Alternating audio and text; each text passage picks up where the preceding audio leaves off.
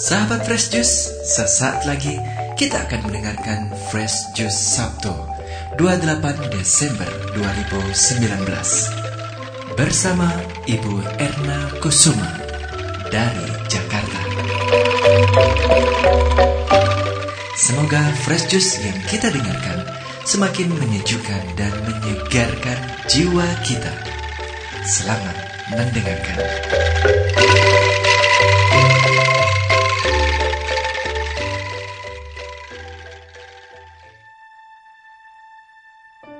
Para pendengar dari Fresh Juice di mana pun berada, hari ini kita mengenang anak-anak di daerah Bethlehem, anak-anak yang sebaya dengan Yesus, anak-anak yang belum genap berusia dua tahun.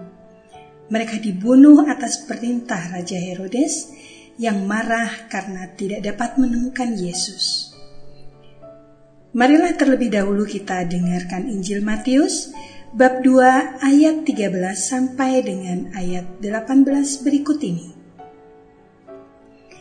Inilah Injil Yesus Kristus menurut Matius. Setelah orang-orang Majus yang mengunjungi bayi Yesus di Bethlehem itu pulang, nampaklah malaikat Tuhan kepada Yusuf dalam mimpi.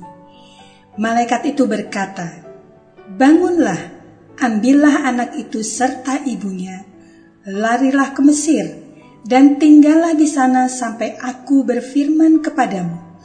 Karena Raja Herodes akan mencari anak itu untuk dibunuh. Maka Yusuf pun bangunlah. Malam itu juga diambilnya anak itu serta ibunya, lalu menyingkir ke Mesir dan tinggal di sana hingga Herodes mati. Hal itu terjadi supaya genaplah yang difirmankan Tuhan lewat nabinya, dari Mesir kupanggil anakku. Ketika Herodes tahu bahwa ia telah diberdayakan oleh orang-orang majus itu, sangat marahlah ia Lalu ia menyuruh membunuh semua anak di Bethlehem dan sekitarnya, yaitu anak-anak yang berumur dua tahun ke bawah, sesuai dengan waktu yang dapat diketahuinya dari orang-orang majus itu.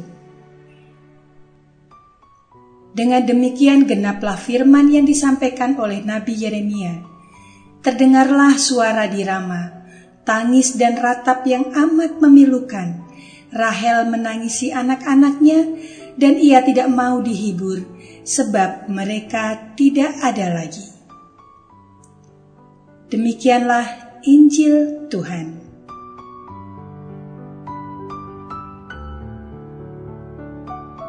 Para pendengar setia Daily Fresh Juice yang dikasih Allah, Nabi Yeremia telah menyampaikan tentang bencana yang akan terjadi saat dimulainya perjanjian baru saat di mana manusia diperkenankan untuk mengenal Tuhan, yaitu dengan turunnya Allah Putra ke dunia untuk menjadi manusia, supaya dapat dikenal dengan lebih nyata. Dan janji Tuhan digenapi bahwa Tuhan akan mengampuni kesalahan manusia dan tidak lagi mengingat dosa-dosa mereka.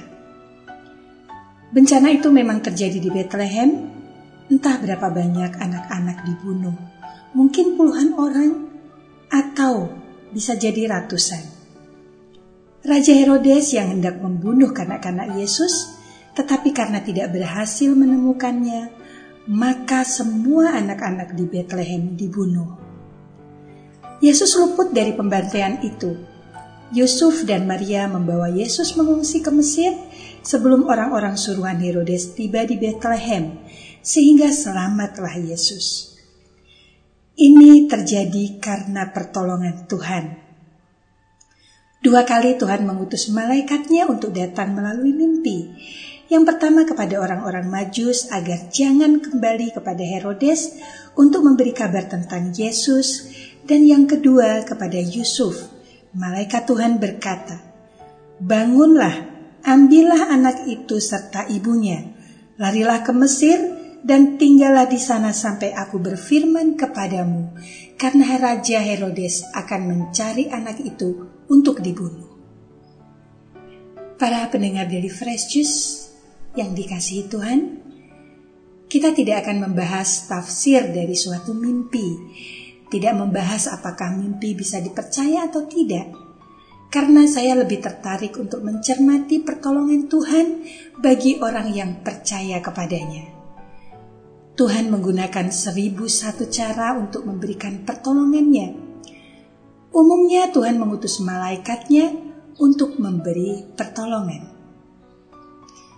Adanya malaikat Tuhan memang patut kita percayai. Ada ratusan ayat di kitab suci yang menuliskan tentang malaikat Tuhan. Terutama di dalam kitab Wahyu, kita bisa menemukan banyak sekali ayat tentang malaikat ditulis di situ. Malaikat termasuk ciptaan Tuhan yang tidak nampak. Tetapi secara meyakinkan telah begitu banyak berperan dalam kehidupan manusia, terutama dalam hal pertolongan Tuhan bagi orang-orang yang percaya kepadanya. Kita tidak tahu ada berapa banyak populasinya, apakah malaikat itu bertambah jumlahnya, berkurang, atau tetap sama sejak dahulu. Yang kita tahu ada di antara mereka yang kita sebut sebagai malaikat agung. Tiga malaikat agung yang kita peringati tiap-tiap tanggal 29 September adalah malaikat Mikael yang memimpin bala tentara malaikat Tuhan, malaikat Gabriel yang kita kenal sebagai pembawa kabar sukacita, dan malaikat Rafael yang sering kali bertugas untuk menyembuhkan. Berbeda dengan manusia, malaikat tidak memiliki badan jasmani. Ia berupa roh yang tak kelihatan. Ia tidak berjenis kelamin, tidak kawin atau dikawinkan, dan tidak memiliki nama. Tetapi keberadaannya tidak dibatasi ruang dan waktu. Ia dapat turun ke dunia untuk melakukan tugas dari Allah Bapa dan kembali naik ke surga setelah menyelesaikan misinya di dunia ini. Di antara malaikat itu ada yang ditugasi secara khusus untuk menjaga kita, melindungi, menolong dan menghibur kita. Malaikat itu menerima tugas dari Allah Bapa untuk mendampingi kita sejak kita dilahirkan sampai saat kita meninggal dunia. Diyakini pula, malaikat ini tetap mendampingi kita selama di api penyucian untuk kemudian mengantar kita melewati pintu surga. Yesus sendiri yang telah mengatakannya kepada kita, Jangan menganggap rendah seorang dari anak-anak kecil ini, karena ada malaikat mereka di surga yang selalu memandang wajah Bapakku yang di surga.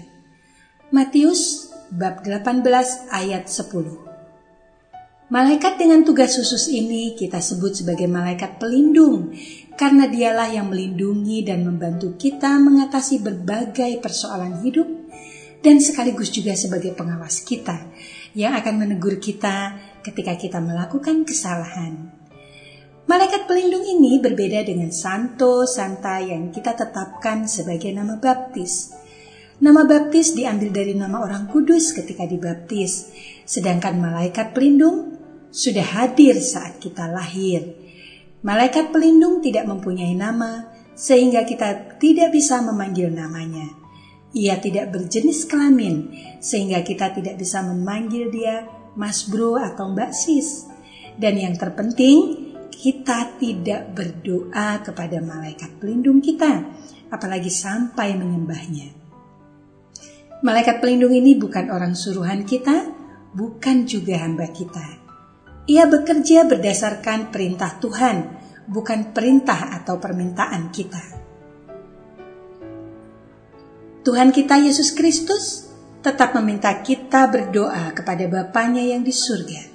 Seperti doa Bapa kami yang telah diajarkan kepada kita, seluruh doa permohonan kita tujukan kepada Allah Bapa melalui perantaraan Yesus Kristus.